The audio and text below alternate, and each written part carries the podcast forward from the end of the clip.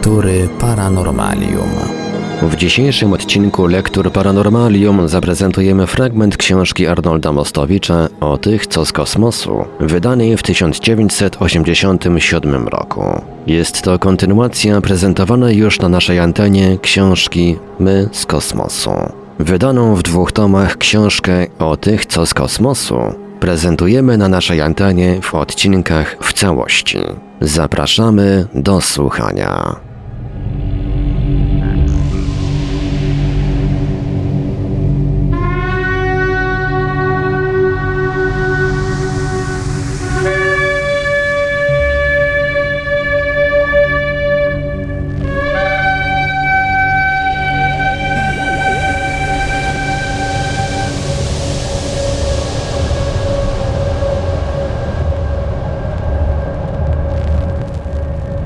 Nieprawdopodobne liczby.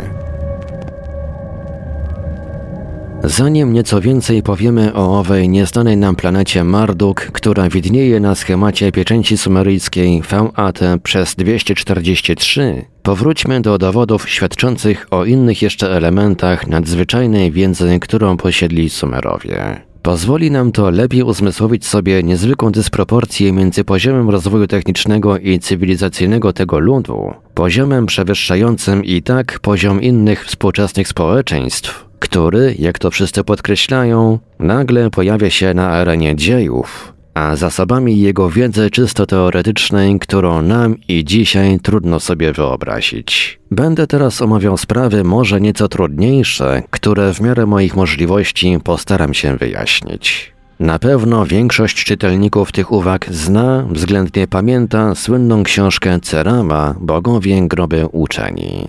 Książka ta ukazała się w Polsce w roku 1958 i stała się początkiem pięknej, ceramowskiej serii PIW.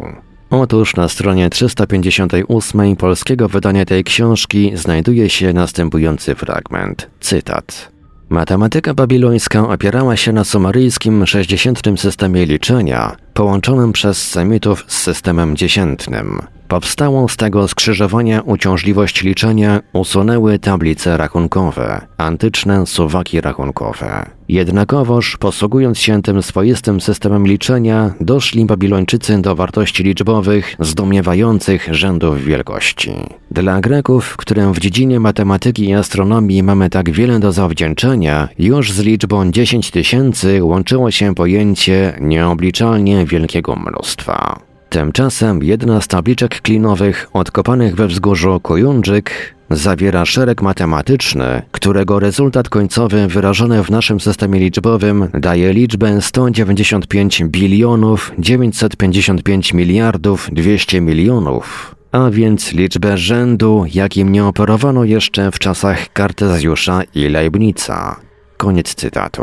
Tyle ceram i przypuszczam, że nikt z czytelników tej książki nie okazał większego zainteresowania niezwykłą liczbą wyrażającą się w 15 cyfrach. Oczywiście nie ulega wątpliwości, że liczbę tę przejęli Babilończycy w spadku po Sumerach. Może uspokoić czytelników książki Carama fakt, że liczbą tą w ogóle niewielu uczonych okazało zainteresowanie, mimo iż jest znana od kilkudziesięciu lat, a i ci, którzy się nią zainteresowali, nie potrafili rozwiązać zagadki, jaką sobą przedstawia. Liczba ta to więcej niż odległość Ziemi od Słońca, wyrażona, gdyby jakiemuś zbzikowanemu hobbyście wpadło to do głowy w milimetrach. Niemniej coś musiała ona oznaczać. Tabliczka z Niniwy, na której zanotowano tą liczbę, zawędrowałaby może do archiwum, wcale zresztą bogatego, niewytłumaczalnych i niezrozumiałych spraw z dawnej przeszłości, gdyby nie dociekliwość Morisa Chatelena, którego sylwetkę przedstawiłem na początku tego rozdziału, a właściwie jego dociekliwość i perfekcja maszyn matematycznych. Pisze Maurice Chatelin w Nasi przodkowie przybyli z kosmosu.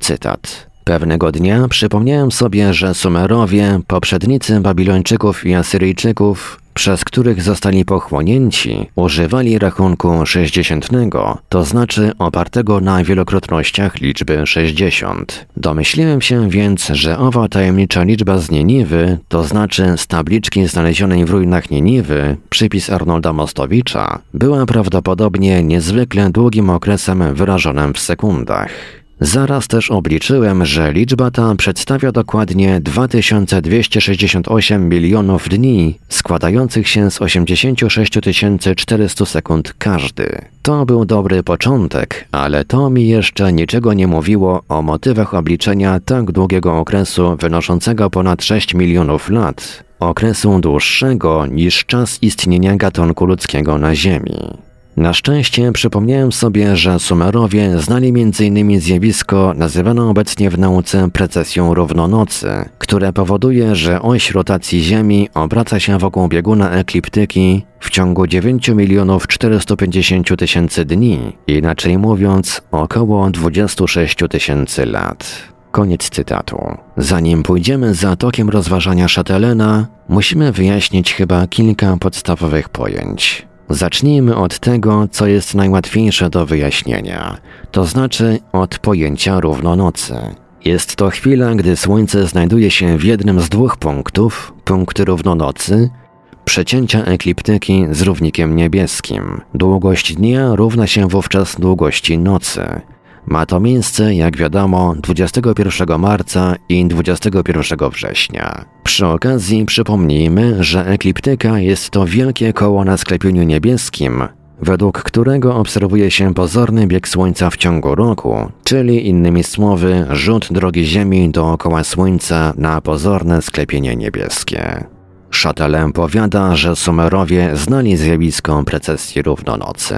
Co oznacza ten termin? Otóż zjawisko precesji zachodzi w przypadku każdej wirującej szybko bryły, której oś obrotu pod wpływem sił zewnętrznych porusza się z kolei wokół określonego kierunku w nieruchomym układzie odniesienia. Bywa precesja regularna, ta nas tutaj nie interesuje, i procesja nutacyjna, Precesja notacyjna zachodzi właśnie w wypadku ruchu Ziemi, która oprócz tego, że wiruje, porusza się, na co wpływają zarówno Słońce, jak i Księżyc. Precesja notacyjna polega na tym, że koniec osi stożka, bo tworzy się wówczas stożek precesji, zatacza nie krąg, jak w wypadku precesji regularnej, lecz linię cykloidalną. Zjawisko precesji równonocy powoduje, że oś rotacji Ziemi wokół bieguna ekliptyki dokonuje pełnego obrotu, przesuwając się wciąż bardzo nieznacznie od wschodu do zachodu w ciągu prawie 26 tysięcy lat. Okres ten nosi nazwę roku platońskiego. Ściśle mówiąc, trwa on 9 milionów 450 tysięcy dni. I okazuje się, że owa liczba 2268 milionów dni to dokładnie 240 cykli roku platońskiego. Inaczej mówiąc, Sumerowie wyliczyli sobie owych 240 cykli roku platońskiego nie w dobach czy latach, ale w sekundach. Przyzna więc każdy, że podobne obliczenia świadczą o głębokiej znajomości zjawisk astronomicznych, o niemałej wiedzy, ale to dopiero początek rewelacji związanych z ową 15-cyfrową liczbą z Niniwy. Maurice Chatelin bowiem poszedł dalej odkrytym przez siebie tropem. Zaczął się mianowicie zastanawiać, czy owa 15-cyfrowa liczba nie jest czasem ową wielką stałą, konstantą systemu słonecznego, której poszukiwali i alchemicy, i astrologowie, i astronomowie od 2000 lat. Gdyby owa liczba, odkryta na tabliczce w Nieniewie, miała być ową wielką stałą systemu słonecznego, to powinna być dokładną, okrągłą wielokrotnością każdego okresu obrotu i koniunkcji. Za chwilę to wyjaśnię. Wszystkich planet, satelitów, a nawet komet naszego systemu słonecznego. Co to takiego koniunkcja? Jest to taka konfiguracja dwóch ciał niebieskich, w której mają one jednakową długość ekliptyczną. Sprawdzenie, czy owa liczba z Niniwy jest ową wielką stałą, wcale nie jest takie proste. Ale przy odrobinie pomysłowości, no i za pomocą komputera, rzecz okazała się wykonalna. I co dały te obliczenia? Nie będę tego streszczał własnymi słowami, tylko raz jeszcze oddam głos francuskiemu autorowi. Cytat. Tak jak myślałem, każdy okres obrotu i koniunkcji obliczany za pomocą stałej, to jest owej liczby z Niniwy, przypis Arnolda Mostowicza, odpowiadał dokładnie, z dokładnością do kilku cyfr po przecinku, liczbom jakie znaleźć można w amerykańskich podręcznikach astronomii, a z nieznaczną różnicą kilkudziesiętnych odpowiada liczbom wykorzystywanym przez astronomów francuskich, które to dane nie są w obydwu wypadkach identyczne, jeśli idzie o Urana, Neptuna i Plutona. Nie udało mi się dotychczas znaleźć jednego chociażby okresu obrotu czy koniunkcji planety, satelity czy komety, który nie byłby okrągłą i dokładną do kilkudziesiętnych częścią wielkiej konstanty z Niniwy, to jest 2268 milionów dni. Jeśli idzie o mnie, uważam to za wystarczający dowód dokładności tej konstanty, która została obliczona kilka tysięcy lat temu. Koniec cytatu można dostać zawrotą głowy. Lud żyjący 5-6 tysięcy lat temu posiadał wiedzę matematyczno-astronomiczną przewyższającą w niektórych dziedzinach nasze, w tych właśnie dziedzinach wiadomości. Warto by zastanowić się, jakie praktyczne znaczenie miała taka wiedza, ale zanim to uczynimy, kilka słów o jeszcze jednym odkryciu Chatelena, które może nas zainteresować. Badacz francuski zwrócił mianowicie uwagę na fakt, że konstanta z Niniwy w jednym wypadku wykazuje pewne niedoskonałości.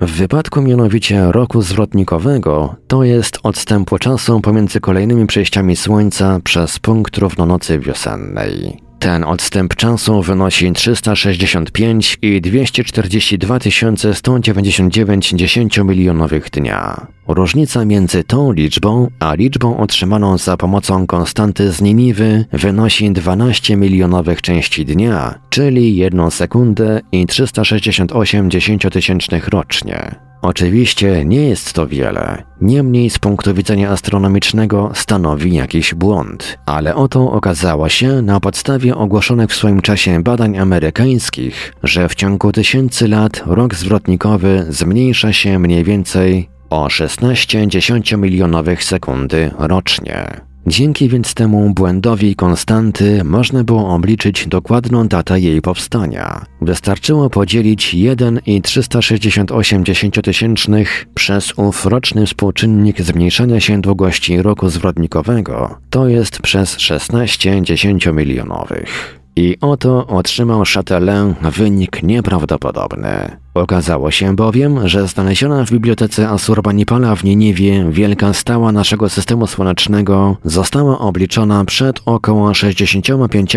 tysiącami lat, dokładnie 64 800 lat temu. Rzecz więc jasna, że nie Sumerowie przyczynili się do jej obliczenia. Z tej stałej wynika ponadto potwierdzenie tego, co dostrzegł Zacharias Sitchin na pieczęci cylindrycznej z berlińskiego muzeum, a mianowicie fakt, że Sumerowie znali wszystkie planety naszego układu, nie mając żadnej możliwości zaobserwowania ich. Tak więc obliczenia Chatelena, jak i obserwacje Sitchina wzajemnie się uzupełniają. Chciałbym dodać, że Chatelain w następnej swojej książce bardzo chwali pracę Sitchina. Aby udowodnić, jak dalece owa stała jest w swoim rodzaju liczbą doskonałą, posłuszmy się jeszcze jednym przykładem.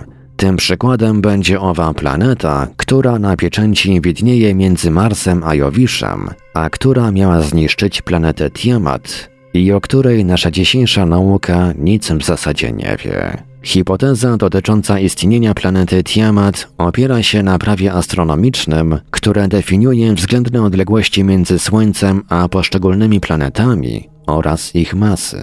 Zgodnie z tym prawem powinna istnieć między Marsem a Jowiszem planeta o odległości od Słońca 2,8 razy większej od odległości Ziemi od Słońca. Jak już powiedziałem, o istnieniu takiej planety mówią tabliczki z Niniwy i prawdopodobnie o wiele od nich starsze tabliczki odnalezione w Nippur. Chciałbym tu dodać tytułem komentarza, że współczesna astronomia raczej neguje możliwość istnienia takiej planety w przeszłości, twierdząc, że ogólna masa asteroidów tworzących ów pas między Marsem a Jowiszem jest zbyt mała, by kiedyś mogła tworzyć planetę. Nie jestem astronomem, ale obawiam się, że w tym wypadku wypadku współczesna nauka zbyt ściśle trzyma się pewnych założeń i nie okazuje dosyć zaufania wiedzy naszych przodków. Czy można wyłącznie na podstawie masy asteroidów obliczyć masę hipotetycznej planety? A jeśli w naszym systemie słonecznym znajdują się jeszcze inne obiekty, których pochodzenie może nasunąć myśl, że są one resztkami dawnego Tiamatu Fetona?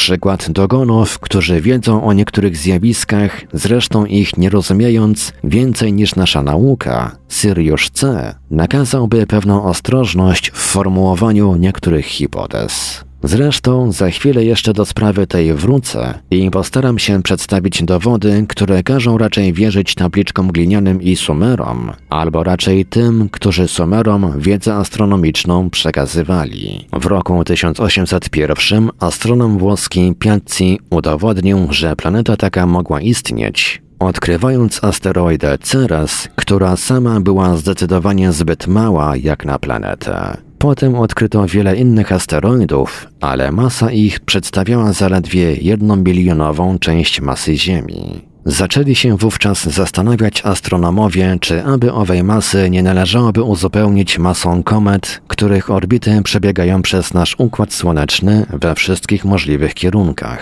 przy czym w niektórych wypadkach okres ich pełnego obrotu sięga milionów lat, a orbity eliptyczne miliardów kilometrów. Mogłoby się to wydać nieprawdopodobne, ale dane dotyczące orbit tych komet są współczesnej nauce dość dobrze znane. Istnieje około 60 komet, których orbity zostały obliczone, jak też ich proporcje heliocentryczne, ale do niedawna nikomu nie wpadło do głowy, by wykorzystać wszystkie te dane astronomiczne. To znaczy, by spróbować na podstawie tych danych odnaleźć pochodzenie tych komet i sprawdzić, od kiedy przemierzają one nasz system słoneczny. I oto pojawił się na scenie astronom amerykański nazwiskiem Van Flandern z Obserwatorium Marynarki Amerykańskiej w Waszyngtonie. Wpadł on na genialny pomysł. Założył mianowicie, że jeśli asteroidy i komety są rzeczywiście resztkami, odpadami pochodzącymi z katastrofy kosmicznej, której ofiarą padła jakaś planeta między Marsem a Jowiszem, to rzecz oczywista, wszystkie one powinny mieć ten sam, że tak powiem, punkt startu w przestrzeni kosmicznej. W konsekwencji więc, jakiekolwiek by były ich obecne orbity,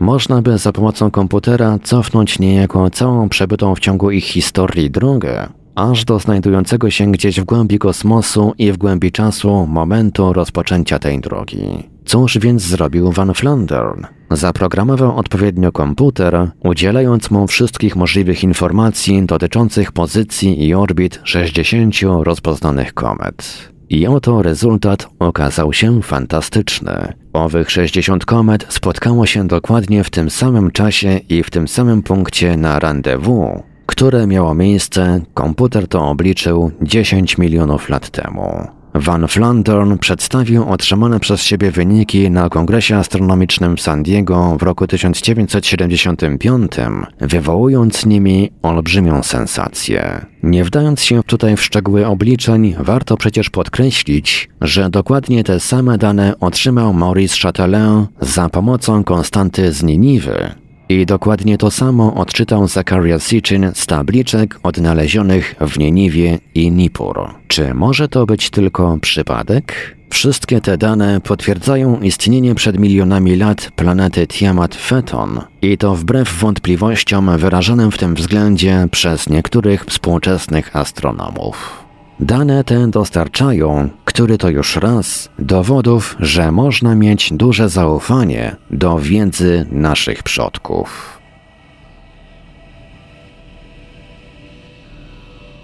Po co? Dlaczego?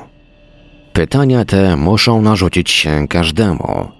Jasną jest rzeczą, że przed 64 tysiącami lat nie istniała na Ziemi cywilizacja zdolna do tak skomplikowanych obliczeń, która mogłaby korzystać z tak wyrafinowanej wiedzy i której podobnie jednostronne wiadomości byłyby w jakimś sensie niezbędne. Tak jak każdemu nasunąć się muszą podobne pytania, tak każdemu musi przyjść na myśl jedną odpowiedź. Całość tej wiedzy została 5-6 tysięcy lat temu Sumerom przekazana. I to przekazana przez przedstawicieli jakiejś cywilizacji, która takimi szczegółami wiedzy astronomicznej dotyczącej naszego Układu Słonecznego dysponowała. Powiedzmy, że na tej odpowiedzi chwilowo poprzestaniemy, chociaż nie wyjaśnia nam ona, jaką korzyść osiągnąć mogli Sumerowie, czy jakiekolwiek inne ówczesne społeczeństwo z wiedzy o planetach, do których nigdy dotrzeć nie mogli, ba, o planecie, która od około 10 milionów lat nie istniała co dawała im znajomość stałej, obliczonej w trylionach sekund, kiedy dla ich potrzeb wystarczyły im dane znacznie prymitywniejsze. Skoro już o tym mowa, to warto dodać, że obliczenie owej wielkiej konstanty w sekundach pozwalało uniknąć błędów wynikających np. ze zwolnienia obrotów Ziemi wokół Słońca w wyniku gwałtownych pływów, będących rezultatem mniejszej odległości Ziemi od Księżyca. Zmniejszenie szybkości obrotów Ziemi powodowało, że doba miała 24 godziny 20 sekund, a nie 24 godziny jak dzisiaj i jak przed pięcioma, sześcioma tysiącami lat. A więc wracając do pytania postawionego w podtytule tego rozdziału.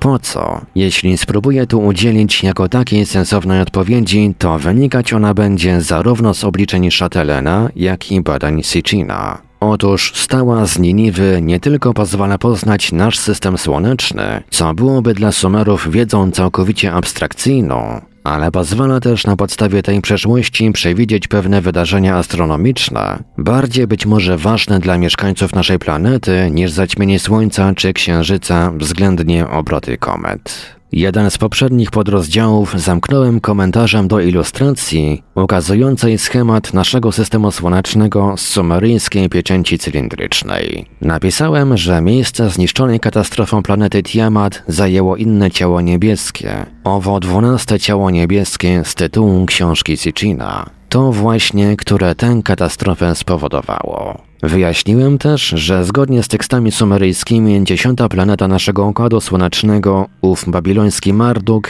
ma niezwykle wydłużoną orbitę, przypominającą raczej orbitę komety, jak to dokładnie relacjonuje tabliczka z biblioteki króla Asurbanipala. Kiedy planeta ta zbliża się do Słońca, widoczna jest z Ziemi nawet gołym okiem, twierdzą Sumerowie. W sumeryjskich tekstach planeta ta bywa też nazywana planetą skrzydlatą. Ale to nie wszystko. Znacznie ważniejsze jest to, że zbliżenie się tej planety powodować może na Ziemi szereg potężnych wstrząsów w postaci zmian tektonicznych, powodzi i trzęsień Ziemi. Powiedziałem, że zgodnie z danymi sumeryjskimi obrót Marduka wokół Słońca wynosi 3600 lat lat sumeryjskich liczących 360 dni każdy. Czyni to 1 296 tysięcy dni.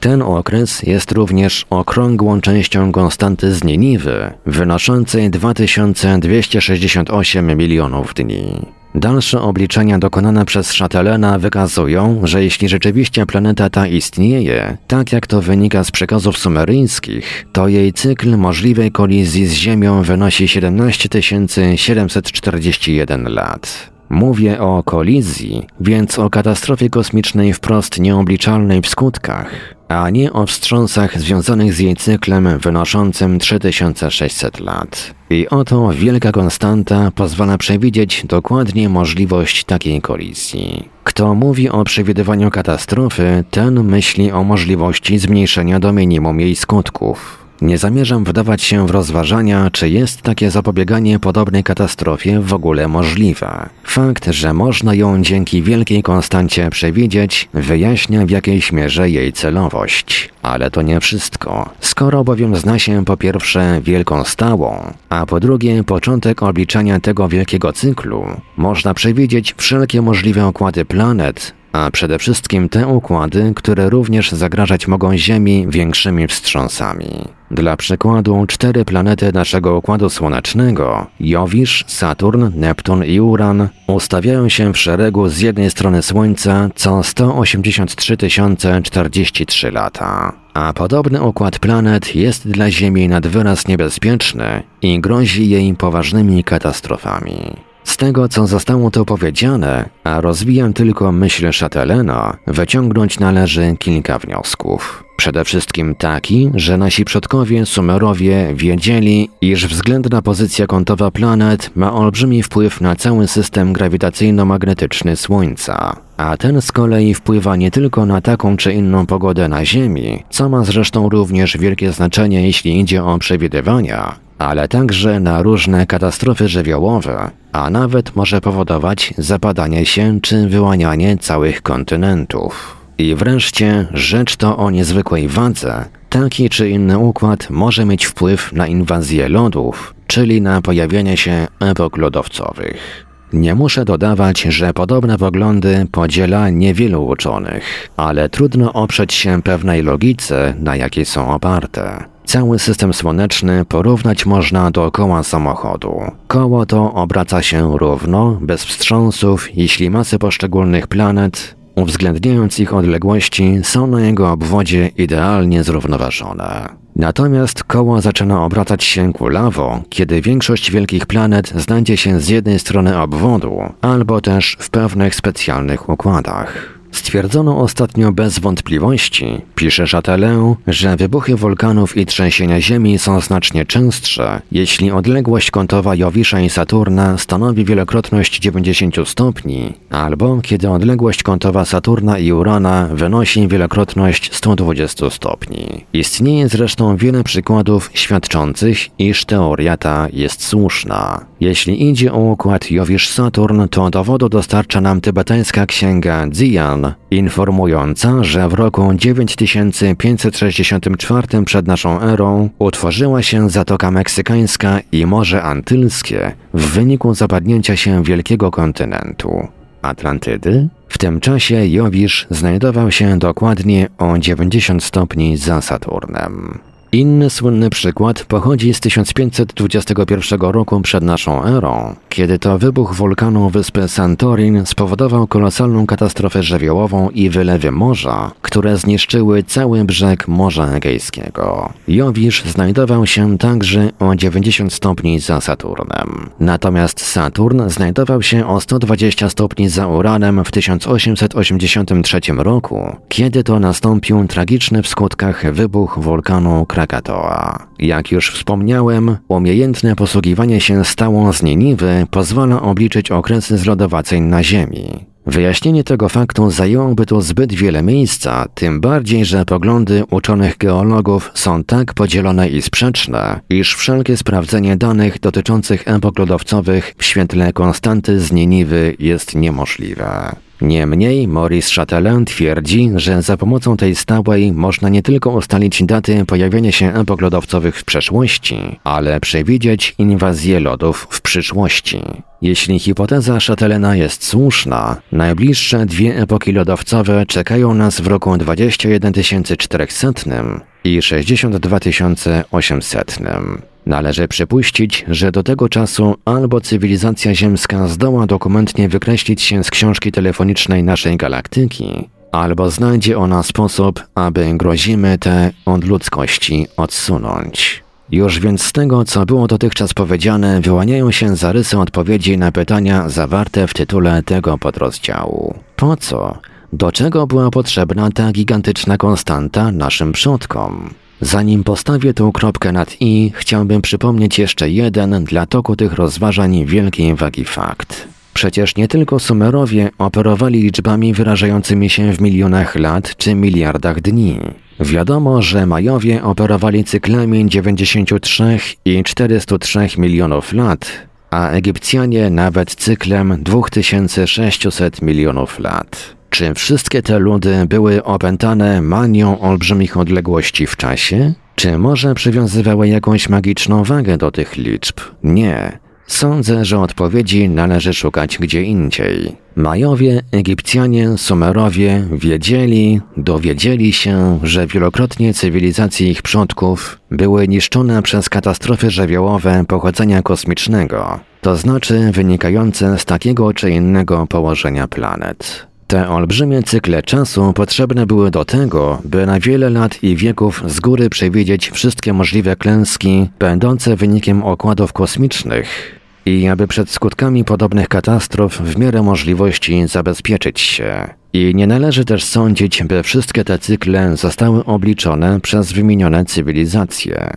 To było zupełnie niemożliwe przy ówczesnym poziomie techniki. Niemniej te dane astronomiczne, znalazłszy się w ręku najbardziej wykształconych warstw Majów, Egipcjan czy Sumerów, czyli w rękach kapłanów, stały się narzędziem władzy i oczywiście związane były z obrzędami i kultem religijnym. Ci, którzy kapłanom tych wszystkich wiadomości astronomicznych dostarczyli, znali dobrze przeszłość naszej planety. Chcieli zabezpieczyć istoty rozumne, które ją zamieszkiwały, przed katastrofalnymi skutkami tych wstrząsów kosmicznych na przyszłość. Przecież już z tego, co zawierają legendy Indian Hopi, o czym była mowa w jednym z pierwszych rozdziałów tej książki, wiemy, że i oni posiadali jakąś rudymentarną wiedzę o przeszłości człowieka na Ziemi, wiedzę o katastrofach, które niszczyły tę czy inną cywilizację. Przecież katastrofą groziło pojawienie się czy zbliżenie się do naszego układu planetarnego planety Marduk. Zmiany w układzie grawitacyjno-magnetycznym Ziemi groziły inwazjami lądów. Katastrofami groziły różne układy planet. Wielkie zaś cykle, takie jak właśnie konstanta z Nieniwy, pozwalały przewidzieć zbliżanie się nowego niebezpieczeństwa. Pozostaje odpowiedzieć na pytanie, czy mogli wówczas ludzie skutkom tych katastrof zapobiec. W swojej pierwszej książce Le Matin de Magicien Poranek Magów z roku 1961 Jacques Bergier i Louis Povens zadali m.in. pytanie, na które nikt dotychczas nie udzielił odpowiedzi.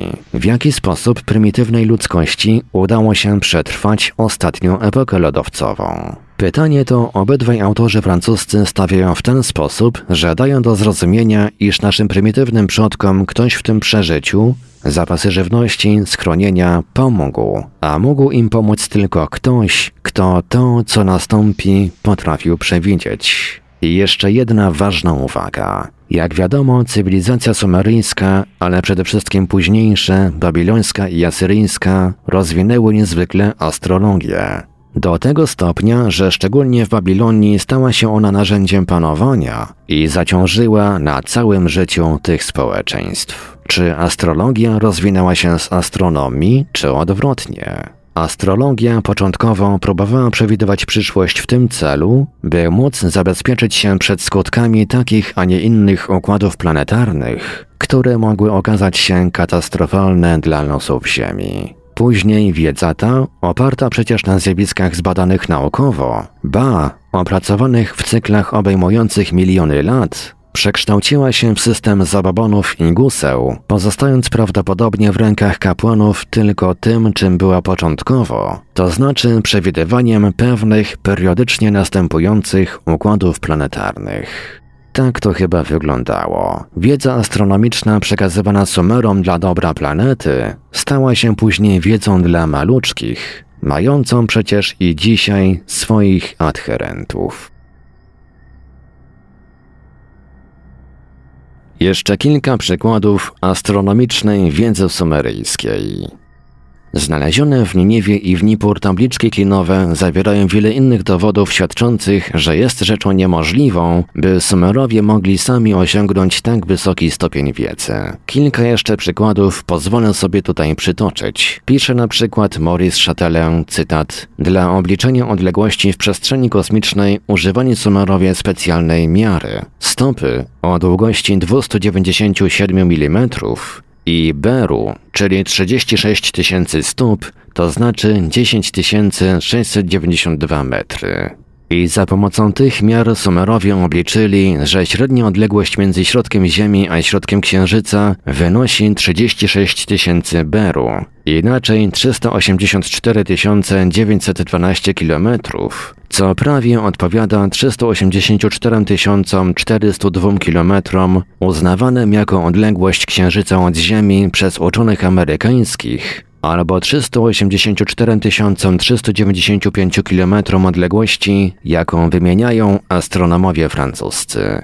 Jeszcze raz więc zachodzi pytanie, w jaki sposób nasi przodkowie potrafili obliczyć tak wielką odległość z tak wielką dokładnością, podczas gdy współcześni uczeni odległość tę potrafili obliczyć dopiero niedawno i to za pomocą aparatów niezwykle precyzyjnych, najpierw używając radaru, a następnie lasera. Dochodzę do wniosku, że Beru nie jest pochodzenia ziemskiego, lecz raczej kosmicznego i stanowi jedną trzydziestotysięczną część odległości Ziemi od Księżyca.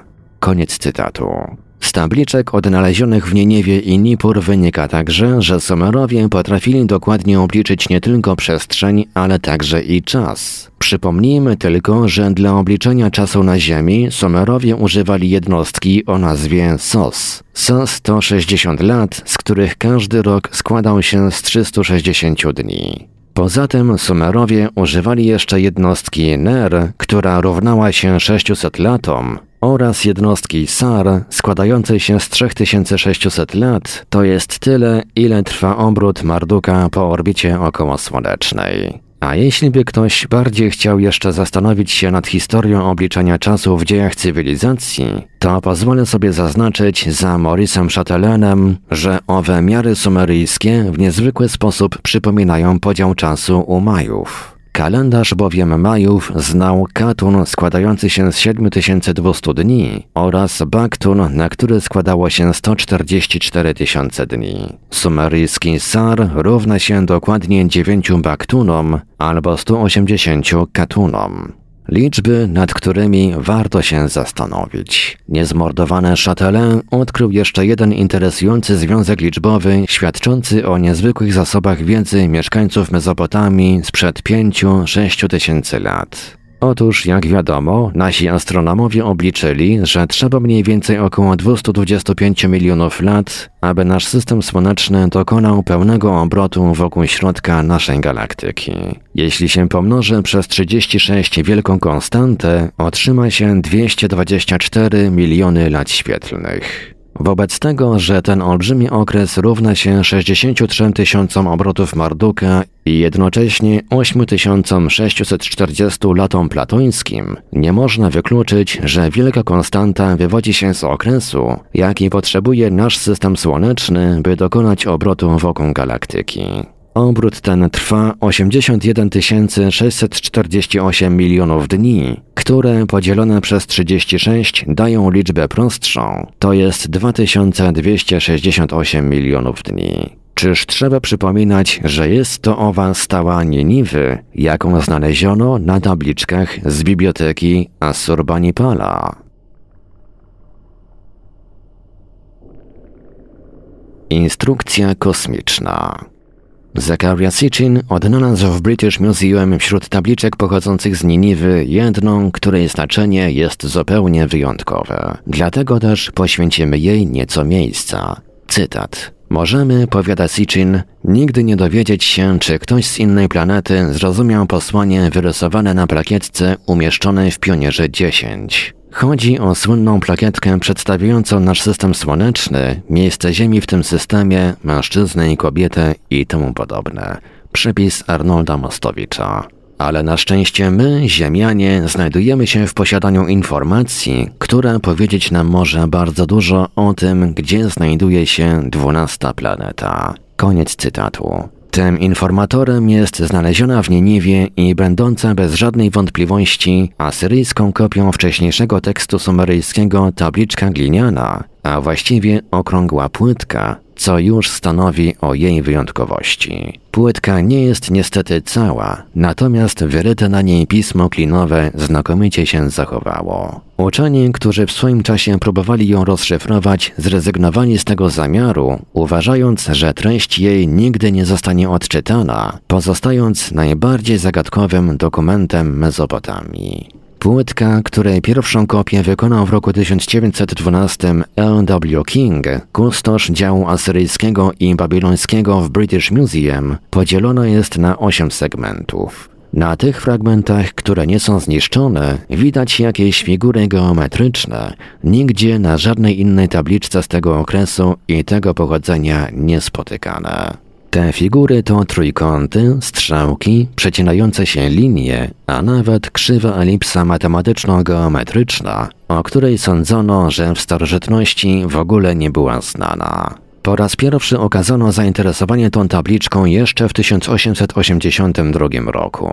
Próbowali ją rozszyfrować Bonsanket i Sons, członkowie Brytyjskiego Towarzystwa Astronomicznego. W specjalnym referacie na temat astronomii babilońskiej doszli oni do słusznego skądinąd wniosku, że wiele nazw ciał niebieskich, jakie znaleźć można na płytce, wskazuje wyraźnie na jej astronomiczny charakter. Wprawdzie próby konkretniejszego odczytania znajdującego się na płytce tełatu uczonym tym się nie powiodły, to przecież w zasadzie nie popełnili oni błędu, twierdząc, że płytka ta według wszelkiego prawdopodobieństwa przedstawia coś w rodzaju planisfery nieba, to znaczy mapy przedstawiającej obie półkule jednocześnie. To, że jest to planisfera naszego nieba, potwierdzili później Oppert i Jensen, specjaliści w dziedzinie astronomii babilońskiej. Przy czym obydwaj ci naukowcy odczytali także wiele nazw konstelacji i gwiazd. W 1915 roku Ernst Winder w książce Handbuch der Babylonischen Astronomii, podręcznik astronomii babilońskiej, po przeanalizowaniu rysunków znajdujących się na płytce doszedł do wniosku, że nie mają one najmniejszego sensu.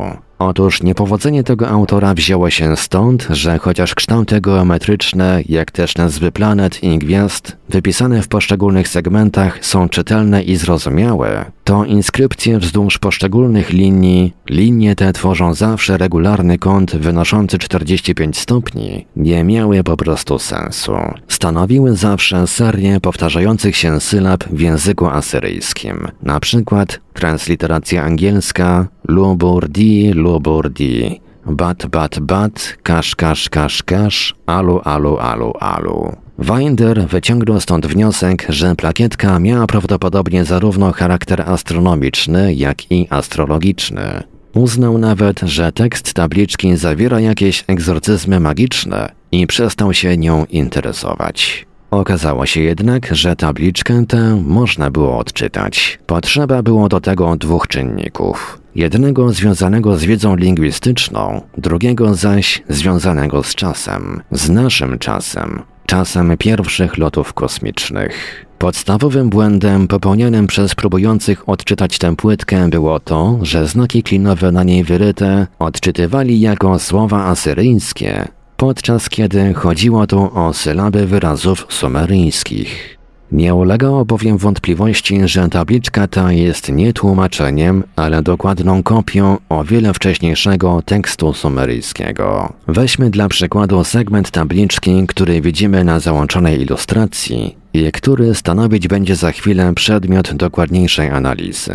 Na tabliczce segment ten znajduje się między linią idącą od godziny 9, jeśli przyrównamy całość do cyferblatu zegarka, a linią idącą od godziny w pół do 11. Na segmencie tym mamy wzdłuż linii opadającej na na na na a na a na nu. Wzdłuż obwodu sza sza sza sza sza sza wzdłuż linii poziomej szam-szam, bur-bur-kur. Otóż wszystkie te sylaby mają swoje znaczenie w języku sumeryjskim. Na tej tabliczce, co jest wyraźnie podkreślone w jej treści, mamy trasę podróży boga Enlil. Tekst określa nie mniej, nie więcej tylko jakie miją planety zgodnie z instrukcją, którą miał się kierować. Linia pochylona pod kątem 45 stopni wydaje się wskazywać linię schodzenia statku z punktu, który, jak głosi napis, jest wysoko, wysoko, wysoko, wysoko poprzez chmury pary, mgieł, a następnie przez strefę bez mgieł do punktu horyzontu, gdzie niebo i ziemia spotykają się. Jeśli więc odczytać ten tekst w języku sumeryjskim, nabierają sensu instrukcje dla astronautów znajdujące się na linii poziomej. Wskazuje się im mianowicie, by nastawiali, nastawiali, nastawiali swoje instrumenty do końcowego etapu lotu, to jest do zbliżania się z Ziemią. W miarę zaś zbliżenia rakiety rakiety są odpalane, co pozwoli zwolnić szybkość lotu.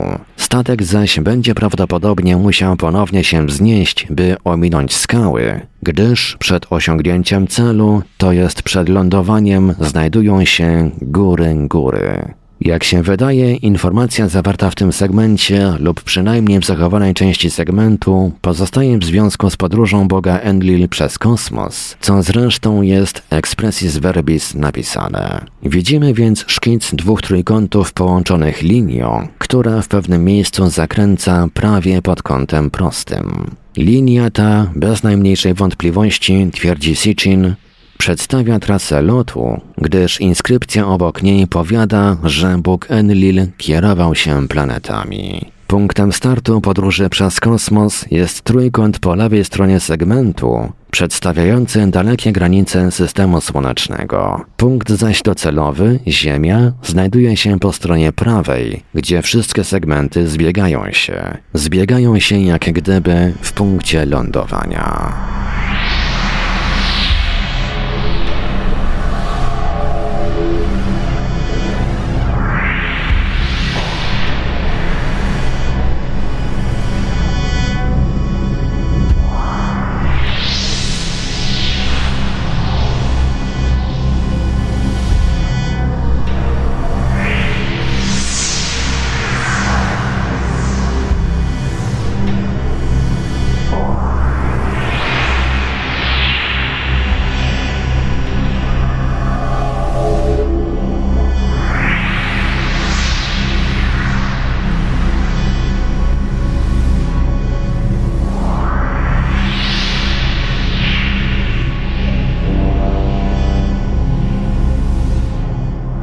Radiu Paranormalium zaprezentowaliśmy fragment książki Arnolda Mostowicza o tych, co z kosmosu. Dalszy ciąg w następnym odcinku Lektur Paranormalium. Archiwalne odcinki Lektur Paranormalium znajdziesz do pobrania w archiwum naszego radia na stronie www.paranormalium.pl.